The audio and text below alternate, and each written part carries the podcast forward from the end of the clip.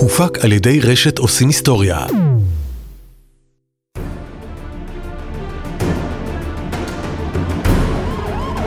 משטרת ישראל מציגה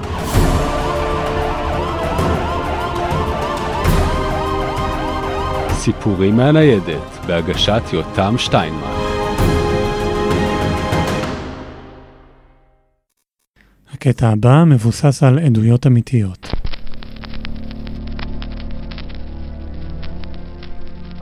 כן, בשנת 1949. אני זוכר את היום הזה היטב. זה היה בנובמבר. הלכתי במורד רחוב מרכז בעלי המלאכה בכיוון קינג ג'ורג' כשפתאום שמעתי אישה צורחת, ממש צרחה מחרישת אוזניים. אני מודה שנבהלתי, אתה לא מצפה לשמוע צרחה כזו ברחוב מגורים צדדי ושקט? זה כל כך הבהיל אותי, ממש קפאתי במקום. הצרחה לא הפסיקה ונהייתה קיצונית יותר. זאת הייתה אישה, אני חושב בשנות ה-40 לחייה, והיא הצביעה על אחד מעוברי האורח ברחוב וצעקה עליו, זה קאפו! זה קאפו!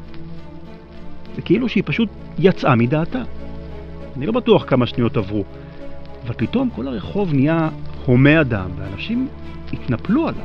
גם האישה דחפה את הקאפו לגדר בעוצמה כזאת, שתהיתי איך לא נשבר לו עמוד השדרה. מישהו אחר צעק ביידיש, הוא הרג את כל משפחתי, והם התחילו להרביץ לו מכות רצח. כל מי שהיה בסביבה שחרר עליו אגרוף או בעיטה, זה היה ממש לינץ'. קפאתי במקום. בין הכעס והפלשבקים מהזוועות של המחנות לרצון שלי לעזור לאיש המסכן, שאתה יודע, אולי זה בכלל לא הוא, אולי זו סתם טעות בזיהוי. פשוט לא זזתי. באמת חשבתי שהוא הולך למות. עצוב לי להגיד לך את זה, שאיפשהו גם שמחתי. רציתי שהוא יקבל את מה שמגיע לו. ברגע האחרון הוא הצליח להתחמק מהעמקים וברח לאיזו חצר צדדית. שוטר עם בד לבן על הכובע הגיע לזירה ופיזר את ההמון. כמה חיילים שעברו שם תפסו איזה צעיר, כנראה אחד המכים הראשיים שהסתתר מאחורי איזה אוטו. אני לא יודע מה קרה לקאפו אחר כך.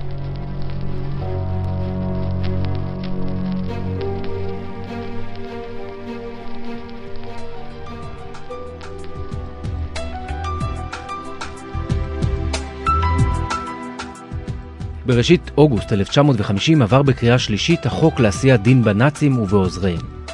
החוק התקבל לאחר חודשים ארוכים של דיונים בוועדת חוקה חוק ומשפט, וכן בוועדת המשנה שהוקמה במיוחד לצורך ניסוחו. מטרתו המוצהרת הייתה לאפשר למדינת ישראל להביא לדין אנשים שנחשדו בהשתתפות פעילה בביצוע פשעים בתקופת השואה. גרמנים, משתפי פעולה מבנות בריתה של גרמניה ומהמדינות שנכבשו על ידה, או יהודים. לאחר כניסת החוק לתוקף, החלה המשטרה לחקור עשרות רבות של תלונות, שחלקן הצטברו על שולחנה, ואחרות שהתקבלו מגופי ביטחון נוספים. כיצד התנהלו החקירות לפני כניסת החוק לתוקפו? כיצד נאכף החוק לאחר חקיקתו? מי היו השוטרים שטיפלו בחקירות? מה היה היקף החקירות שניהלה המשטרה? ומה היו השיקולים שעמדו בבסיס ההחלטות שגובשו בתיקים האלה? יש לנו פה מקרה מאוד מוזר. בעצם יש לנו פער בין פשע, ברמה אולי הכי חמורה שיכולה להיות, שמוח אדם נורמלי לא יכול אפילו לתאר את חומרת המעשים. פשעים נגד האנושות, רצח עם. מצד שני, אין חוק. מצד שני, יש אנשים שהם מעורבים ברמה האישית באותם אירועים, הם גם נפגעים. איך מתייחסים לזה? בכדי לנסות לדון בשאלות המוסריות במעלה הראשונה האלה, וגם המשטרתיות חוקתיות, נמצא איתנו רב פקד אורי קוסובסקי, ראש חוליית ההיסטוריה באגף ההדרכה של משטרת ישראל. שלום אורי. שלום וברכה. אז איך ניגשים בכלל לנושא כזה רגיש? אתה יודע, יש פה פשעים, יש פה דברים שהם באמת הדברים הכי נוראים שיכולים להיות, אבל מצד שני, אין חוק. ונגיע לזה בהמשך, שכבר יש חוק, יש בעיה מאוד קשה להגדיר, יש הרבה אפור, אין שחור לבן, כמו שאנחנו אולי היינו רוצים לחשוב שיש פשע מושלם ומולו החוק המושלם והמוסר המושלם. יש פה בעיות מאוד מאוד קשות עוד לפני שנכנסנו בכלל לניואנסים הקטנים של חקירות ודברים כאלה. כן, צריך להבין, הנושא הזה, לא רק במשטרת ישראל, זה נושא שהוא חסר תקדים. באף מקום בעולם לא מתמודדים עם שאלה כזאת. השואה הייתה נושא חסר תקדים, כן. גם השואה, גם השאלה כמובן של אחריות של אנשים שהם... לצורך העניין גם אה, נגדיר אותם כחלק מהמנגנון, ברצונם או שלא ברצונם, וגם כאנשים שהם בעצם קורבנות בעצמם. והשאלה איך מטפלים בזה, מי מטפל בזה, למה מטפלים בזה, היא שאלה שבעצם צפה מלמטה מהדקה הראשונה בסוף מלחמת העולם השנייה. אז באמת, אורי, אתה בא מתוך uh, חוליית ההיסטוריה במשטרת ישראל, באגף ההדרכה. בוא באמת נלך להיסטוריה של העניין הזה. מלחמת העולם מסתיימת, מדינת ישראל קמה, אבל אין לנו חוק שמתעסק בפשעי הנאצים ועוזריהם. זה דבר שהגיע אחר כך. איך זה קורה? בואו בוא נדבר על התקופה הזאת. קודם כל, אנחנו צריכים להבין, עוד לפני שקמה מדינת ישראל, יש לנו שלוש שנים של מרווח בין סיום המלחמה לקום המדינה. מבחינת הניצולים שיוצאים ממחנות, לצידם הם רואים אנשים שמבחינתם היו חלק מהצד השני בעצם. אנחנו מדברים על קאפואים. מה זה בעצם קאפו? קאפו, מילה יבשה, היא מונח איטלקי שמשמעו לצורך העניין בוס. הגרמנים התכוונו כשהם מדברים על, בהקשר של קאפו, זה ראש קבוצת עבודה, אבל בהמשך המושג הזה הורחב גם למי שהיה אחראי על בלוק, זאת אומרת על צריף בתוך מחנה, ובהשאלה כל מי שנחשב למשתף פעולה עם הנאצים, שהוא עסק במנגנון שלהם, זה יכול להיות שוטר יהודי בגטו, זה יכול להיות איש יודנראט, או בעל תפקיד ניהולי כלשהו במחנות. כונה קאפו. כולם, כולם זאת אומרת, היום, בשפה המודרנית, כשאנחנו אומרים קאפו, אנחנו מדברים על משתפי פעולה. הציבור הגדיר לעצמו איזה שהם שלושה תפקידים כאלה של היהודי בשואה, אלה שהלכו כצאן לטבח, אלה שהיו לוחמים או פרטיזנים או מורדים או אנשי מרד גטו ורשה לצורך העניין, או משת"פים. והמשת"פים זה הקאפואים, אבל כבר מההגדרות האלה אפשר להבין שאנחנו הולכים לדבר על הרבה אפור בשיחה הזאת, כי רגע, אם מישהו היה בהתחלה כצאן לטבח ואחר כך הוא היה לוחם, ובסוף הוא נתפס ונאלץ לשתף פעולה, אז איך נגדיר אותו? אז אוקיי, אז אנחנו חוזרים להקמתה של מדינת ישראל, מתחילים להגיע לפה אנשים ניצולים, שארית הפליטה ממחנות העקורים וכל מיני אה, דרכים אחרות מגיעים למדינת ישראל הצעירה, ואין חוק. אין חוק, אבל יש, יש מפגשים. עוד טרם הקמת המדינה, ההגנה, דרך שירותי הידיעות שלה, מתחילה לקבל אה, מידע על יהודים שהיו קשורים בקשר עם הגרמנים. מי שלימים יהיה שר משפטים שלנו, חיים אה, צדוק, מגיע לקפריסין, למחנה מעצר שם, בגלל שיש שמועות על שתי נשים, שתי מעפילות, שכל שאר המחנה רואה אותן כמשת"פיות ויש חשש אה, מוחשי שיפגעו בהן. אנחנו מדברים על יהודיות. יהודיות לחלוטין. ניצולות שואה בעצמן. ניצולות שואה בעצמן, כנראה שריד אחרון למשפחות שלהן, אבל מבחינת המטען למחנה, הן נחשבות בוגדות. הוא מגיע לשם והדרך היחידה שלו בעצם לשכנע את uh, תושבי המחנה לא לעשות uh, דין לעצמם, היא שהוא מתחייב שאנחנו נטפל בהם. זאת אומרת שנמצא דרך לטפל בסוגיה. צריך להבין, הוא אומר את זה ב-47, אין לו באמת... אין לו אפילו מדינה, לא בדיוק, חוק. אין לו שום כלים בכלל לעשות את זה, הוא פשוט מקווה כרגע לעצור את מה שהוא רואה כסוגיה בוערת ולדחות אותה הלאה, כדי שבהמשך יהיה מי שיחשוב אה, מה עושים בעניין הזה. אז מה באמת עושים בעניין הזה? המדינה קמה, ועדיין אין חוק. כן, אבל אזרחים, אזרחים, כל הכבוד, לא יודעים את השאלות הקטנות של כן יש חוק, אין חוק. הם רואים מישהו שלשיטתם הוא הפושע הכי גדול שהם ראו בשנים האחרונות, הולך ברחוב. יש לנו מקרה של יולדת שמסתכלת על המיילדת שלה ומתחילה להיכנס להתקף. קונה בחנות נעליים, מסתכלת על המוכרת ומתחילה לצרוח, וברגע שהאנשים האלה מתחילים לצרוח אגב, הסביבה מגיבה באופן מיידי, כמעט תמיד או שמתפתח מרדף או שיש תגרה, בכל מקרה בדרך כלל הבן אדם נתפס, מוזעקת משטרה, כי כשאתה רואה פושע, למי אתה קורא? כן, למשטרה. בדיוק, המשטרה לוקחת את האיש. היא לוקחת את האיש, היא מתשאלת אותו, מהר מאוד מתברר ששוב, האיש חשוד במשהו מאוד מאוד חמור, אלא שמבחינתנו, לא אצלנו. אין לנו שום דרך לטפל בנושא הזה. אין סעיף, צריך להבין את זה. היום נורא ברור לנו, יש ספר חוקים, וכמעט לכל עבירה, או למה שנדמה לנו כעבירה, אפשר לייחס איזשהו סעיף או תת סעיף. אין חוק שמטפל בעניין הזה. אנשים אומרים, אוקיי, הוא שיתף פעולה עם הנאצים, הוא הרג יהודים, הוא עשה דברים נגד האנושות, ומדינת ישראל, אין לה בכלל חוק. זאת אומרת, אין אפילו עילה, מה שנקרא, לעצור אותו, לטפל בו, להאשים אותו, בטח לא להעמיד למשפט. שום דבר. אנחנו למעשה גם בסיטואציה יותר בעייתית ממדינות אחרות, בגלל שמדינת ישראל, א', היא קמה מחוץ לאירופה, זאת אומרת האירועים המתוארים לא התרחשו בתוכה, מה שאומר שזה אקס-טריטוריאלי. חוק הוא דבר באופן עקרוני, הוא תקף רק במדינה שבה הוא קיים. כן. והדבר השני זה עניין רטרואקטיבי. חוק אמור להיות בתוקף מהיום שבו הוא נחקק והלאה. אני לא יכול לבוא אליך להגיד לך, מעכשיו אסור לחנות איפה שחנית, ואז אני אומר, אה, אתה חונה שם עכשיו? אז הנה אני כונס אותך. בתקופה הזאת, טרם החוק, ענישת הנאצים ועוזריהם מתחלקת בעצם לארבעה מסלולים עיקריים. אחד זה המשפט הבינלאומי, זאת אומרת, לצורך העניין, משפטי נירנברג, משפטי טוקיו המפורסמים, מדינות שמעמידות לדין אנשים בתחומם, זאת אומרת, נגיד אזרח צרפתי שהוא יהודי או לא יהודי ששיתף פעולה עם הנאצים, משפט לא פורמלי במחנות העקורים, זאת אומרת, אנשים שהיו מיועדים לעלייה או לשיקום או משהו כזה, יש להם ועדות יהודיות פנימיות שמחליטות מה לעשות, אה, וכמו שסיפרת לנו, פעולות תגמול לא מאורגנות של ניצולי שואה ואחרים באנשים שנחשדו בשיתוף פעולה. באופן אה, מובהק אנחנו יכולים לה- להצביע בדיוק על הארבעה האלה. למעשה, שני קאפואים יהודים, אחד טרם הקמת מדינת ישראל, אחד מיד אחרי, בפולין ובצרפת, נשפטים ומוצאים להורג. אז בהיעדר סמכות חוקית, לפני קום המדינה, מתחילות להתקבל תלונות, אבל בהיעדר חוק לא יודעים מה לעשות איתם, ומתחיל דיון פנימי, דיון עצמי בתוך המדינה הצעירה, ביישוב הצעיר, מה לעשות, איך עושים חוק. גם הניצולים עצמם דורשים את החקיקה הזאת, על מנת להתנקות מהאשם הקולקטיבי שדבק בהם, וגם כדי לנקות האשמות מאנשים ספציפיים שרצו, אמרו, אוקיי, בואו תשפטו אותנו כדי שנוכיח לכם שאנחנו בסדר. ואז מתחיל אה, דיון מאוד אה, נוקב, מה צריך להיות בחוק הזה? מה צריך שלא יהיה בחוק הזה? איך מתייחסים? איך בונים את החוק הזה? בואו נדבר רגע על החוק ומה הוביל אליו ואיך הוא בסוף אה, גובש. החוק הזה הוא בגדול מתחיל מלמטה. אמרנו את אותו מקרה של אנשים שפוגשים ברחוב, חדרי לידה, בחנויות נעליים. ברגע שהם שומעים שאנשים שהם אה, קראו למעצרם בתוך כמה שעות שוב ברחוב, באופן טבעי הם מרגישים שנעשה להם עוול, עושים מהם צחוק.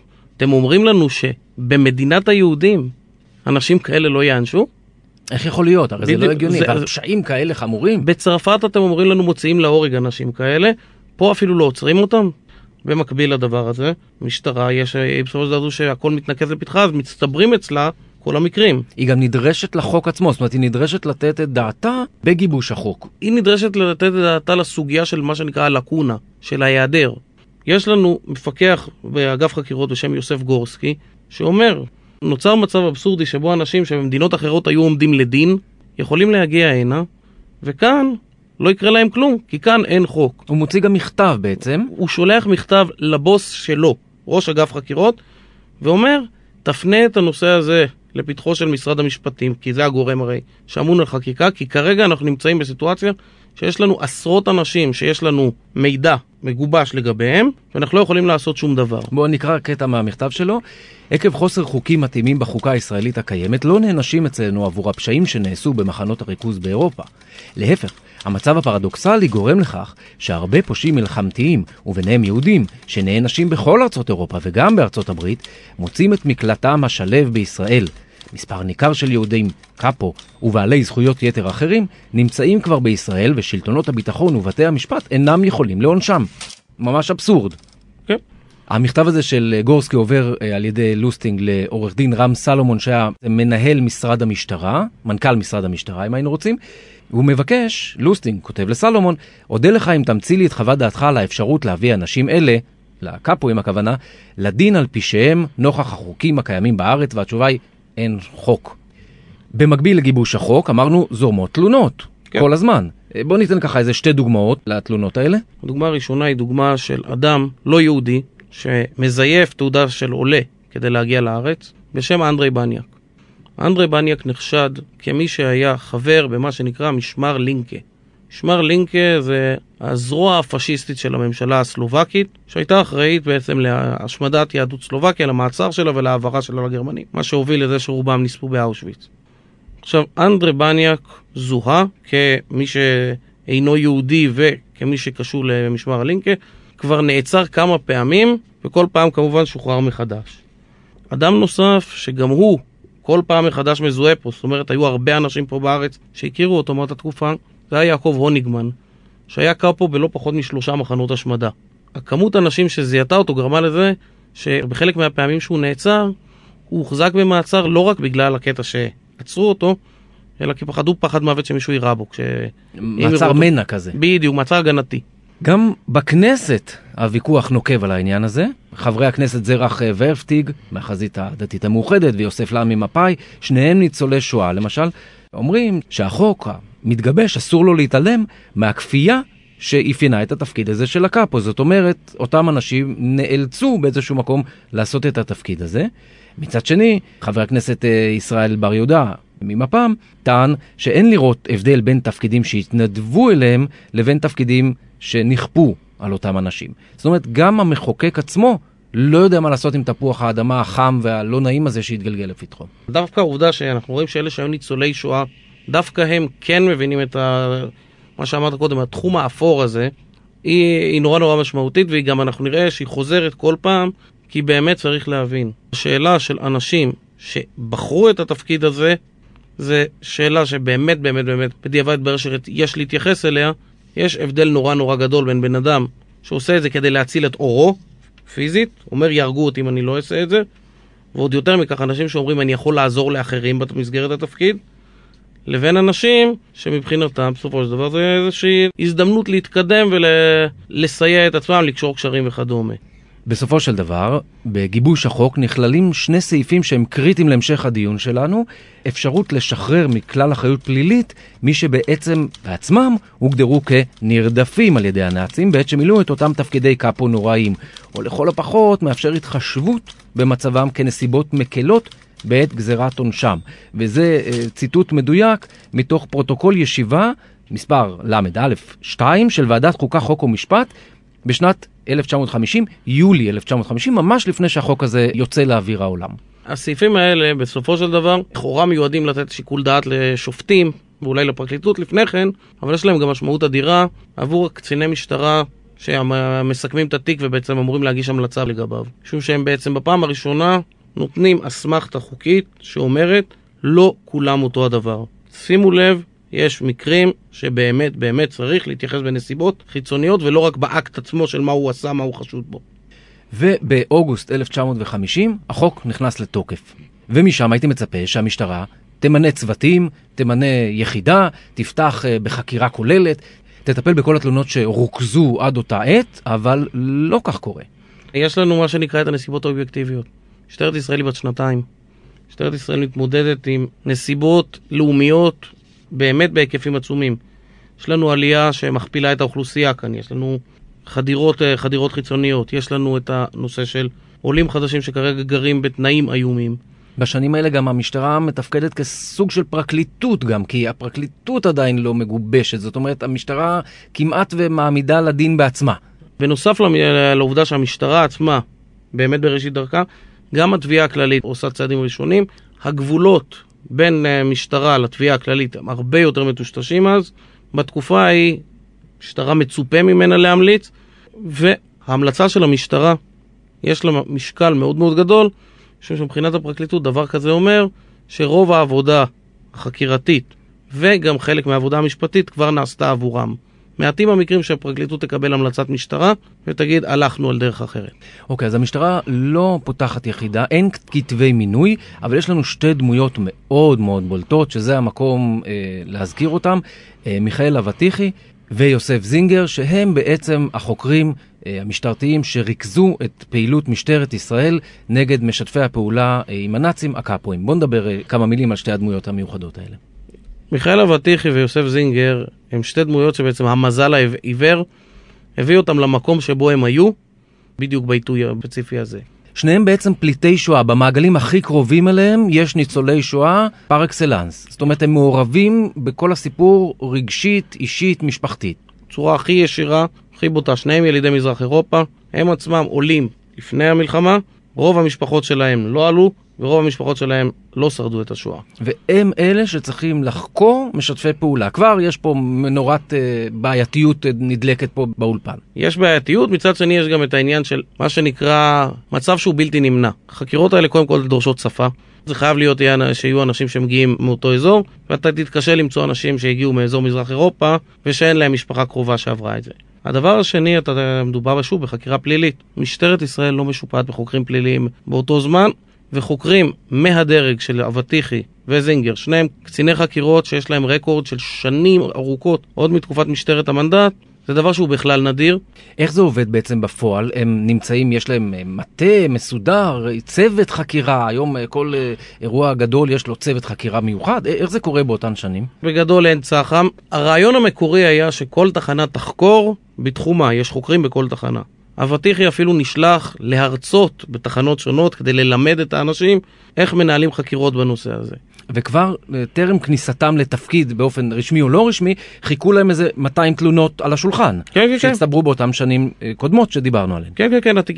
רוב התיקים שהמשטרה תתמודד איתן בשנתיים הבאות כבר הוכנו עוד לפני שהיה חוק, בתקווה ובהנחה שיהיה חוק בהמשך. עכשיו, העניין הוא שחרף הרצון שהתיקים ינוהלו תחנות רחוקות, בסופו של דבר הצורך בקצין מלווה שינהל את התיק בצורה צמודה, גרמה לכך שכמעט כל התיקים בסופו של דבר מכל הארץ זורמים לתל אביב, שם ישב המטה הארצי לאגף חקירות, שם מנהלים אותם. אבטיחי, זינגר, ולצידם שלושה סמלים. יחזקאל קליינמן, צבי נוסבלט. ויעקב קרייצ'יק, הם היו הבולטים, אה, היו עוד אה, שניים שלושה סמלים שהגיעו בין לבין, אבל בגדול אלה חמשת אנשי הצוות הבולטים. לאבטיחי וזינגר אין ממש זמן התאקלמות בתפקיד החדש הזה שנפל עליהם.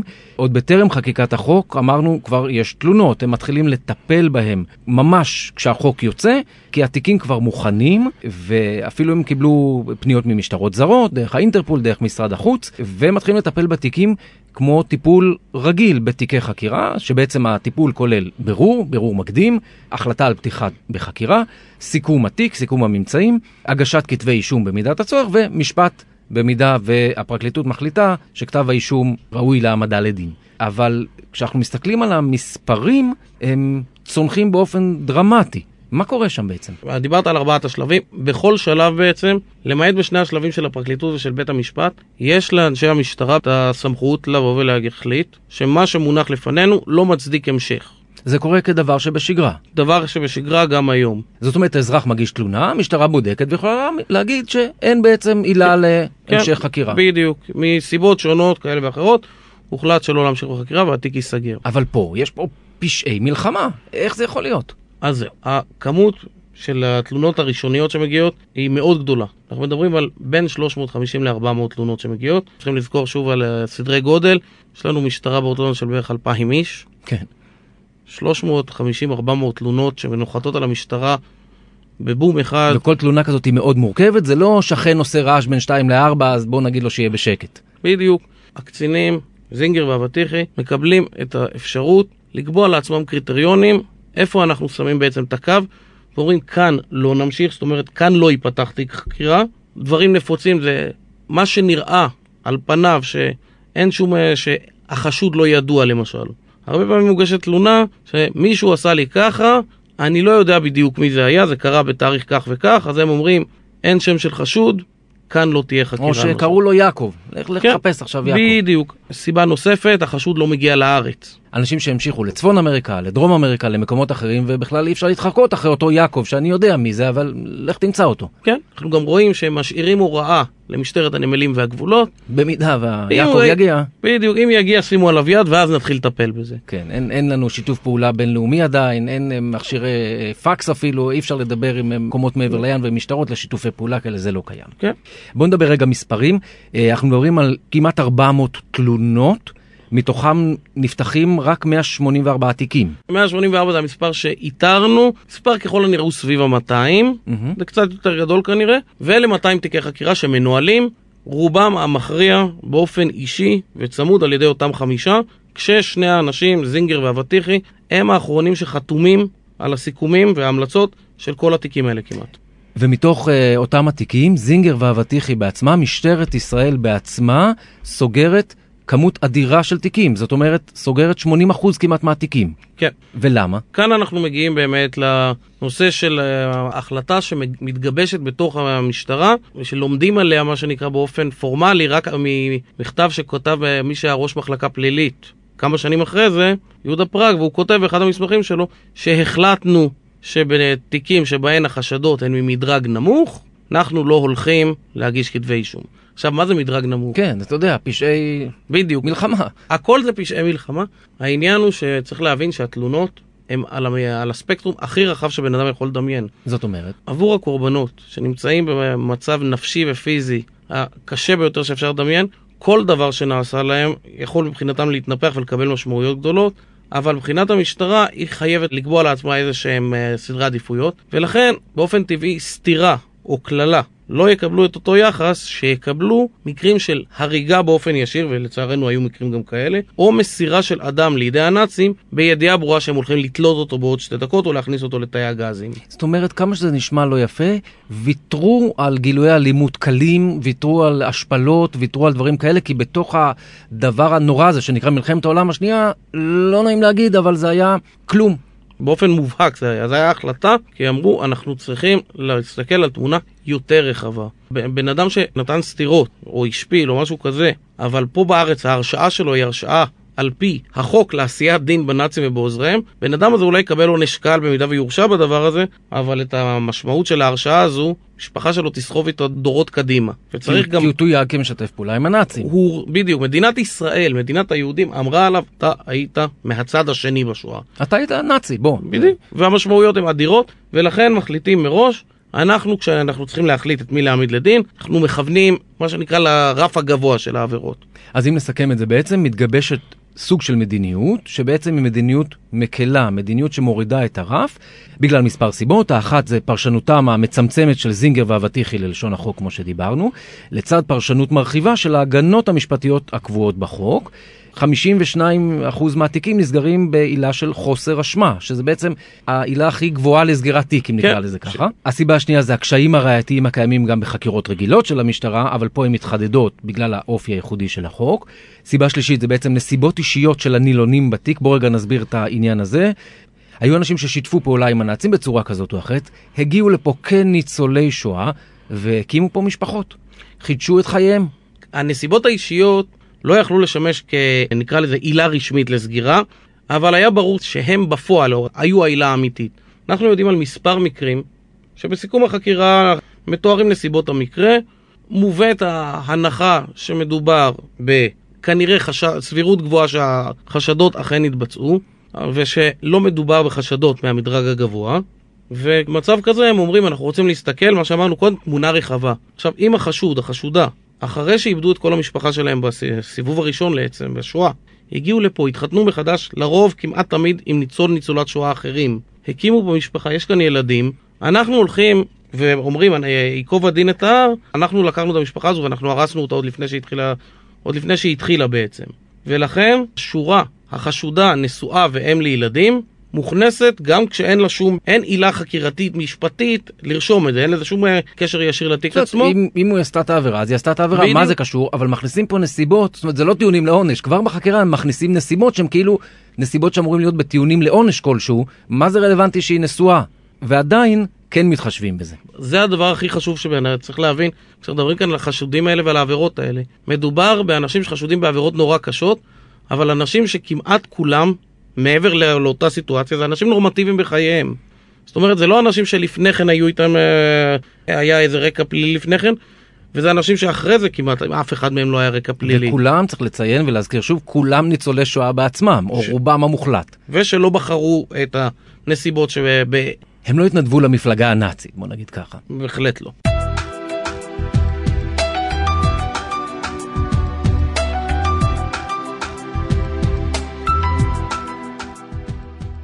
מתוך החקירות האלה עולות מספר שאלות, שאלות מוסריות עקרוניות. כיצד ניתן לקבוע ממרחק שנים וללא היכרות עם המציאות שיצרה השואה, האם מתי נמצא החשוד בסכנת מוות מוחשית? כיצד ניתן לדעת האם עשה כמיטב יכולתו למנוע את נזקי מעשיו או לעכל את תוצאותיהם? זאת אומרת, הדברים האלה הם דברים שקצינים חייבים לחשוב ולשקלל אותם בבואם לקבל החלטה שהיא החלטה קריטית. האם אנחנו ממליצים על כתב אישום או לא ממליצים על כתב אישום. וצריך להבין, המלצה, בדרך כלל המלצה של משטרה, תוביל לכתב אישום. יותר מזה, גם חלק מהנאשמים אמרו, תשמעו, אם לא היינו עושים את זה, המצב היה יותר גרוע. עוד עשינו את המעט שעזרנו לאותם אנשים, ואתה יודע מה, יכול להיות שבחלק מהמקרים הם גם צדקו. לא רק בכלל, יכול להיות, אנחנו יודעים שבחלק מהמקרים אנשים צדקו, יש לנו דוגמאות, שחלקם אנשים שלא עמדו לדין, היה אדם באחד הבלוקים באושוויץ שהציל אנשים כנראה בעשרות, במשפט אייכמן העידה מישהי בשם ורה אלכסנדר, שהייתה ראש בלוק, ואין ספק סייעה רבות לנשים, בין השאר כמה שזה נשמע מוזר, באמצעות זה שהיא הייתה דוחפת אותם וצועקת אותם, כי היא ידעה שמי שלא תהיה בזמן במסדר, תוצא להורג. אז בואו רגע נצטט אה, מתוך תיקי החקירה עצמם, הערה שכותב בכתב יד סגן מפקח מחוזי יהודה פראג, בחקירה של בית קוף, שהפרטים חסויים משנת 56, כותב, סוכם בזמנו כי נפעיל את החוק נגד הנאצים ועוזריהם רק במקרה של פגיעות חמורות ביותר. אבטיחי כותב בסיכום תיק חקירה נגד א' ש', שעליו הוא המליץ לסגור מחוסר אשמה, הוא ניסח את ההמלצה כך, אני רואה שש' מילא את תפקידו בתור משגיח, שהעבודה שהוטלה על קבוצתו תצא לפועל, אחרת אולי היו האנשים סובלים מזה. כן. זאת אומרת, בתוך התפקיד הזה, שלכאורה הוא שחור לבן, זה רק אפור. כמעט כל השטח כאן, בעיסוק של חקירות של האנשים האלה, הוא אפור. מספר האנשים שנחשדו בעבירות שבהן אתה אומר, אין שום דרך בעולם למצוא הסבר שמה שנקרא, מוציא אותם לצורך העניין, מוציא אותם בסדר, מספר הזה היה מאוד מצומצם, ובאמת אלה המקרים שאנשים בסופו של דבר מקבלים גם את העונשים היותר חמורים בסוף. אפילו תיקים שהיו בהם ראיות, לכאורה, והמליצו להעמיד לדין, נסגרו בגלל כל מיני סיבות. החשודים עזבו את הארץ, החשודים לא הגיעו לארץ, לא הצליחו לאתר אותם. בדרך כלל סגרו את זה באופן זמני ואחר כך לצמיתות. היו גם אזרחים זרים שבכלל אי אפשר היה להכיל עליהם את החוק. אנחנו רואים שיש פה הרבה הרבה בעיות בחוק הזה, והרבה מאוד תיקים נסגרו בסופו של דבר. כן, הרוב המכריע כאמור לא מגיע אל בית המשפט. וגם, לא נעים להגיד, היו שקרים, נקמות, עניינים אישיים, בצד טעויות. בואו נדבר רגע על הפן הלא נעים הזה. אוקיי, אז קודם כל טעויות, צריך להבין, טעויות בזיהוי זה היה דבר נורא נפוץ. הרבה פעמים אנשים לא הכירו, אלא מפי השמועה. בן אדם שומע שקאפו הסגיר את אחיו, הוא עצמו לא היה באותו מחנה, ואומרים לו זה האיש הזה, הוא עם כל הכבוד באמת, עולמו חרב עליו, הוא יגיש תלונה. תהיה בדיקה ויתברר שהאיש שנחשד בכלל לא היה באותו מקום. יש לנו דוגמה של אה, ניצולה שרואה מישהי בשוק בראשון לציון. היא מוכרת לה, היא זוכרת אותה באופן ודאי מהמחנה. היא מתנפלת אליה, היא צועקת. בעצמה, היא לא מגישה תלונה, היא מגיעה אליה בשוק ומתחילה לצעוק עליה. מתחילה לצעוק, כמו שתיארתי קודם, מה שקורה בדרך כלל כשאדם צועק. האנשים מסביב רצים, תופסים את האישה השנייה, משטרה מוזעקת, האישה נעצרת, לוקח פחות מיומיים עד שמתברר שהאישה פשוט טעתה בזיהוי. והיא מתנצלת גם, זאת אומרת באופן רשמי. באופן רשמי, שלושה ימים מהיום שבו היא הסצנה הלא נעימה בשוק, היא בעצמה שולחת מכתב התנצלות, התיק כמובן נסגר מחוסר אשמה. ומה לגבי סגירת חשבונות? בוא ניגע בעניין הלא נעים הזה. זה הפן היותר קשה, היו מכתבים אנונימיים מגיעים או למשטרה או לגופים אחרים, שבהם מספרים, הגברת כך וכך, היום היא אולי אחות מכובדת, אבל לפני כך וכך שנים, עזרה ברצח ילדים עבור הגרמנים.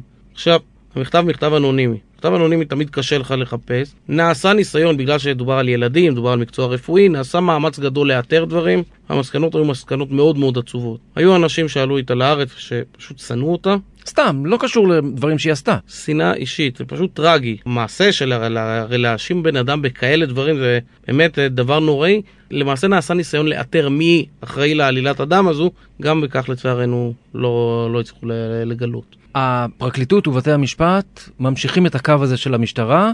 אה, יש חילוקי דעות, אבל בדרך כלל מסכימים לטפל במקרים הקשים ביותר. מתוך קצת יותר מ-40 תיקים שהמשטרה מעבירה לפרקליטות. תיקים שהמשטרה ממליצה להעמיד לדין, כן. שיש בהם מספיק ראיות, והמשטרה חושבת שבאמת מדובר פה בקאפואים, במשתפי פעולה. ושלדעתה, מה שנקרא, כל הנסיבות המקלות האחרות לא מצדיקות את סגירת התיק.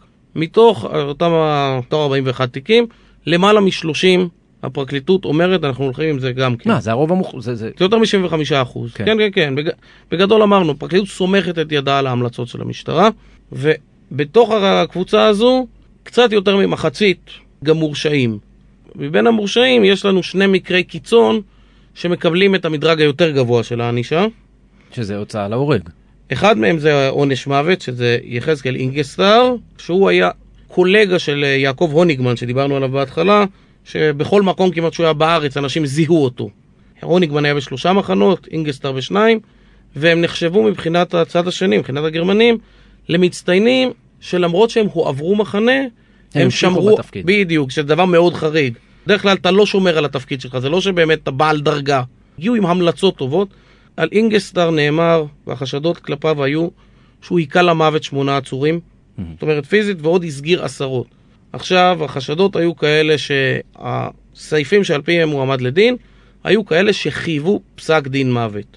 בית המשפט לא רצה להשתמש בזה בפסק דין מוות, בגלל שבאיזשהו מקום היה להם עדיין את העניין שהם רצו לייצר מדרג שאומר שאת הפסק דין מוות עצמו אנחנו נשמור בסופו של דבר לאנשים, שמה שנקרא רצו את זה מלכתחילה. אינגסטר הם לא מטילים ספק דרך אגב שהוא איש רע שהיה ראוי להיענש, אבל אם אתה שם אותו באותה רמה לצורך העניין של מי של הימים של אייכמן, אתה באיזשהו מקום אתה הורדת את אייכמן מהבחינה הזו. כן.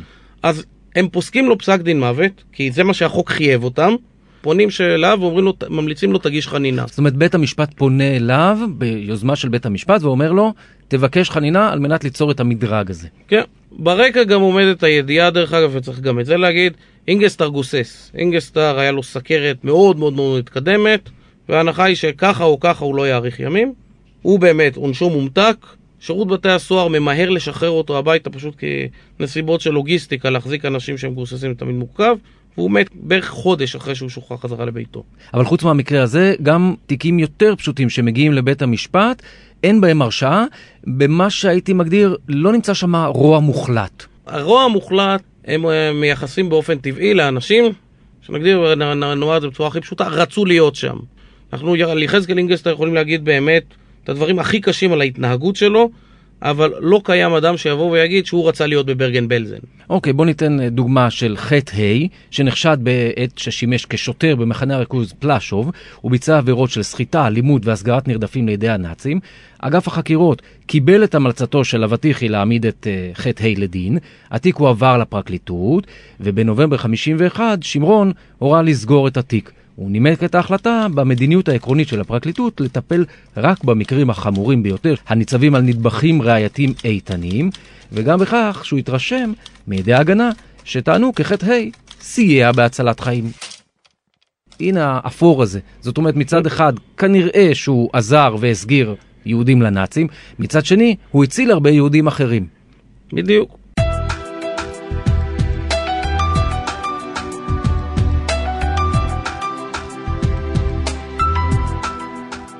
מערכת המשפט גם לא ממהרת להרשיע. אין הרבה הרשעות תחת החוק הזה. בעצם יש לנו רק 13 הרשעות, מתוך אותם 200 תיקים שבהם התחלנו. כן, אנחנו יודעים תוצאות של 24 תיקים. ידוע לנו. זאת אומרת, אנחנו יודעים על כ-30 משפטים שהתנהלו, ידוע לנו על תוצאות של 24 מתוכם, והתוצאה היא כמעט אה, חצי חצי, זה 13 הרשעות, 11 זיכויים, כשרוב ההרשעות צריך להגיד, הענישה בהם היא קלה ברמה כזו, שרוב הנאשמים, שרוב המורשעים, משוחררים לבתיהם, כיוון שהפסק דין, הגזר דין שנפסק להם, חפף את התקופה שהם כבר בין כה וכה ריצו במהלך המעצר.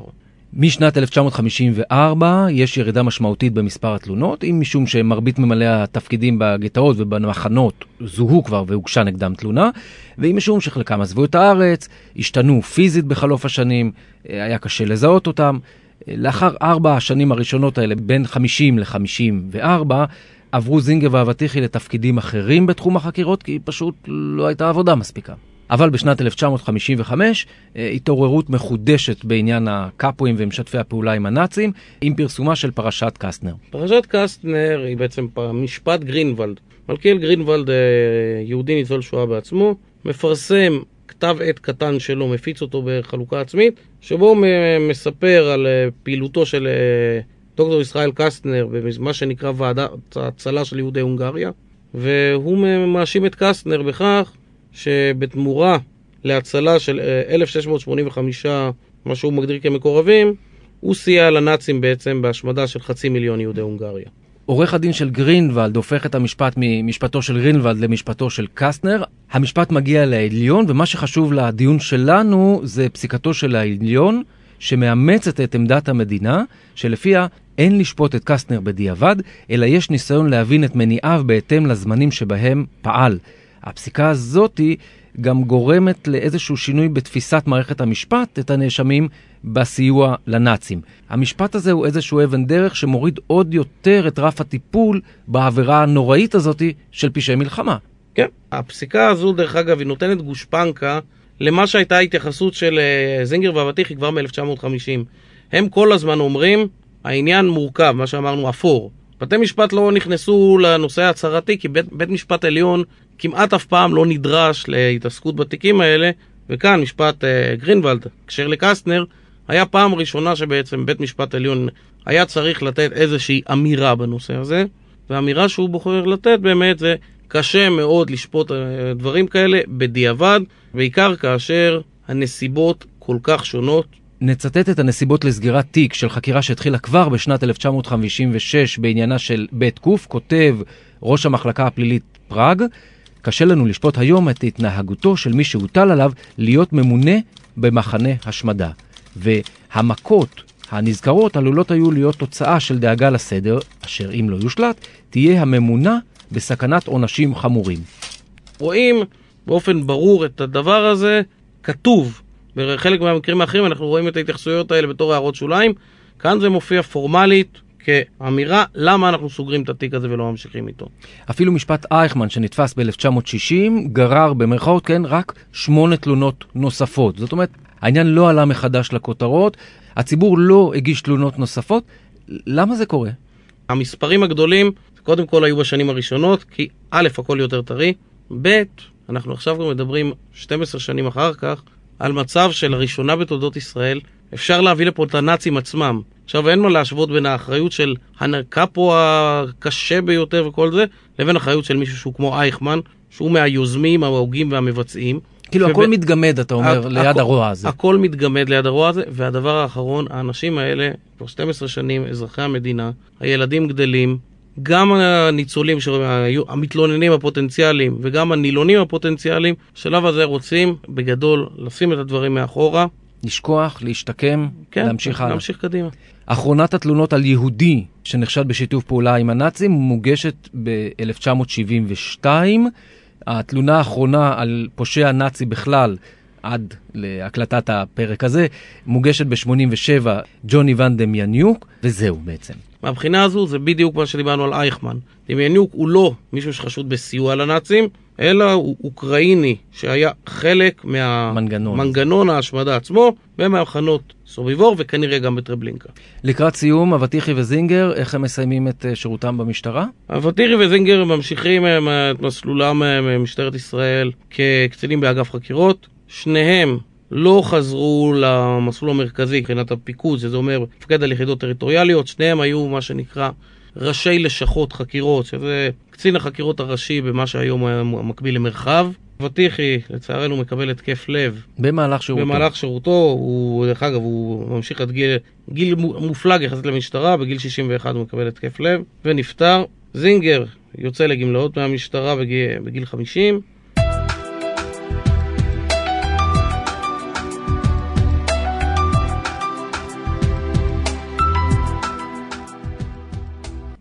בשיחה הזו דיברנו על החוק לעשיית דין בנאצים ובעוזריהם, בדגש על עוזריהם והטיפול המשטרתי והפרשנות המשטרתית לחוק הזה. אם מטרת החוק הייתה רק לגמור את החשבונות בקשר למלחמת העולם השנייה עם משתפי הפעולה עם הנאצים והנאצים, הרי שהמטרה הזאת לא הושגה במלואה. החוק שיקף קרוב לוודאי תקווה כי מספר לא מבוטל של עבריינים יועמדו לדין, יורשעו ויושתו עליהם עונשים כבדים. בפועל, רק מעט מהם הועמדו לדין. חלקם זוכו, גם אלה שהורשעו זכו לרוב לעונשים מתונים יחסית, או זוכו לעתים קרובות בערעור.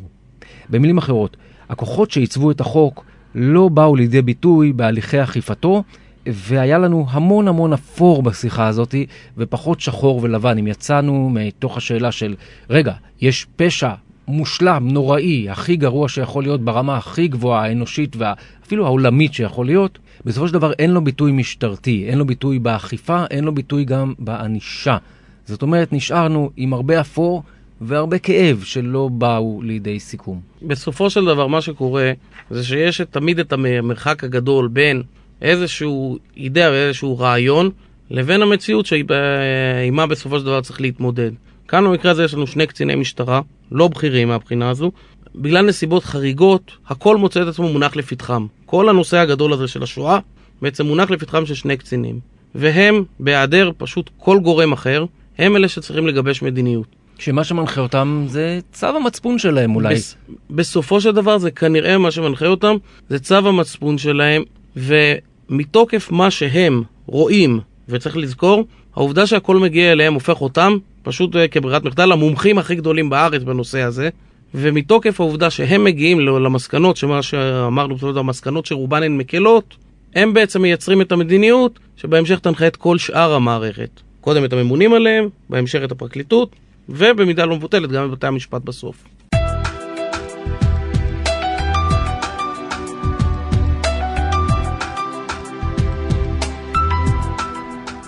אז עד כאן הדברים האלה. תודה רבה לך, רב פקד אורי קוסובסקי, ראש חוליית היסטוריה באגף ההדרכה של משטרת ישראל, שחשפת בפנינו את הסיפור המאוד מעניין הזה, המאוד שנוי במחלוקת, המאוד רגשי, אה, גם של הסיפור באופן כללי, וגם של אותם אה, שני קציני משטרה, שיכול להיות שהגיע הזמן גם להגיד להם תודה. תודה רבה.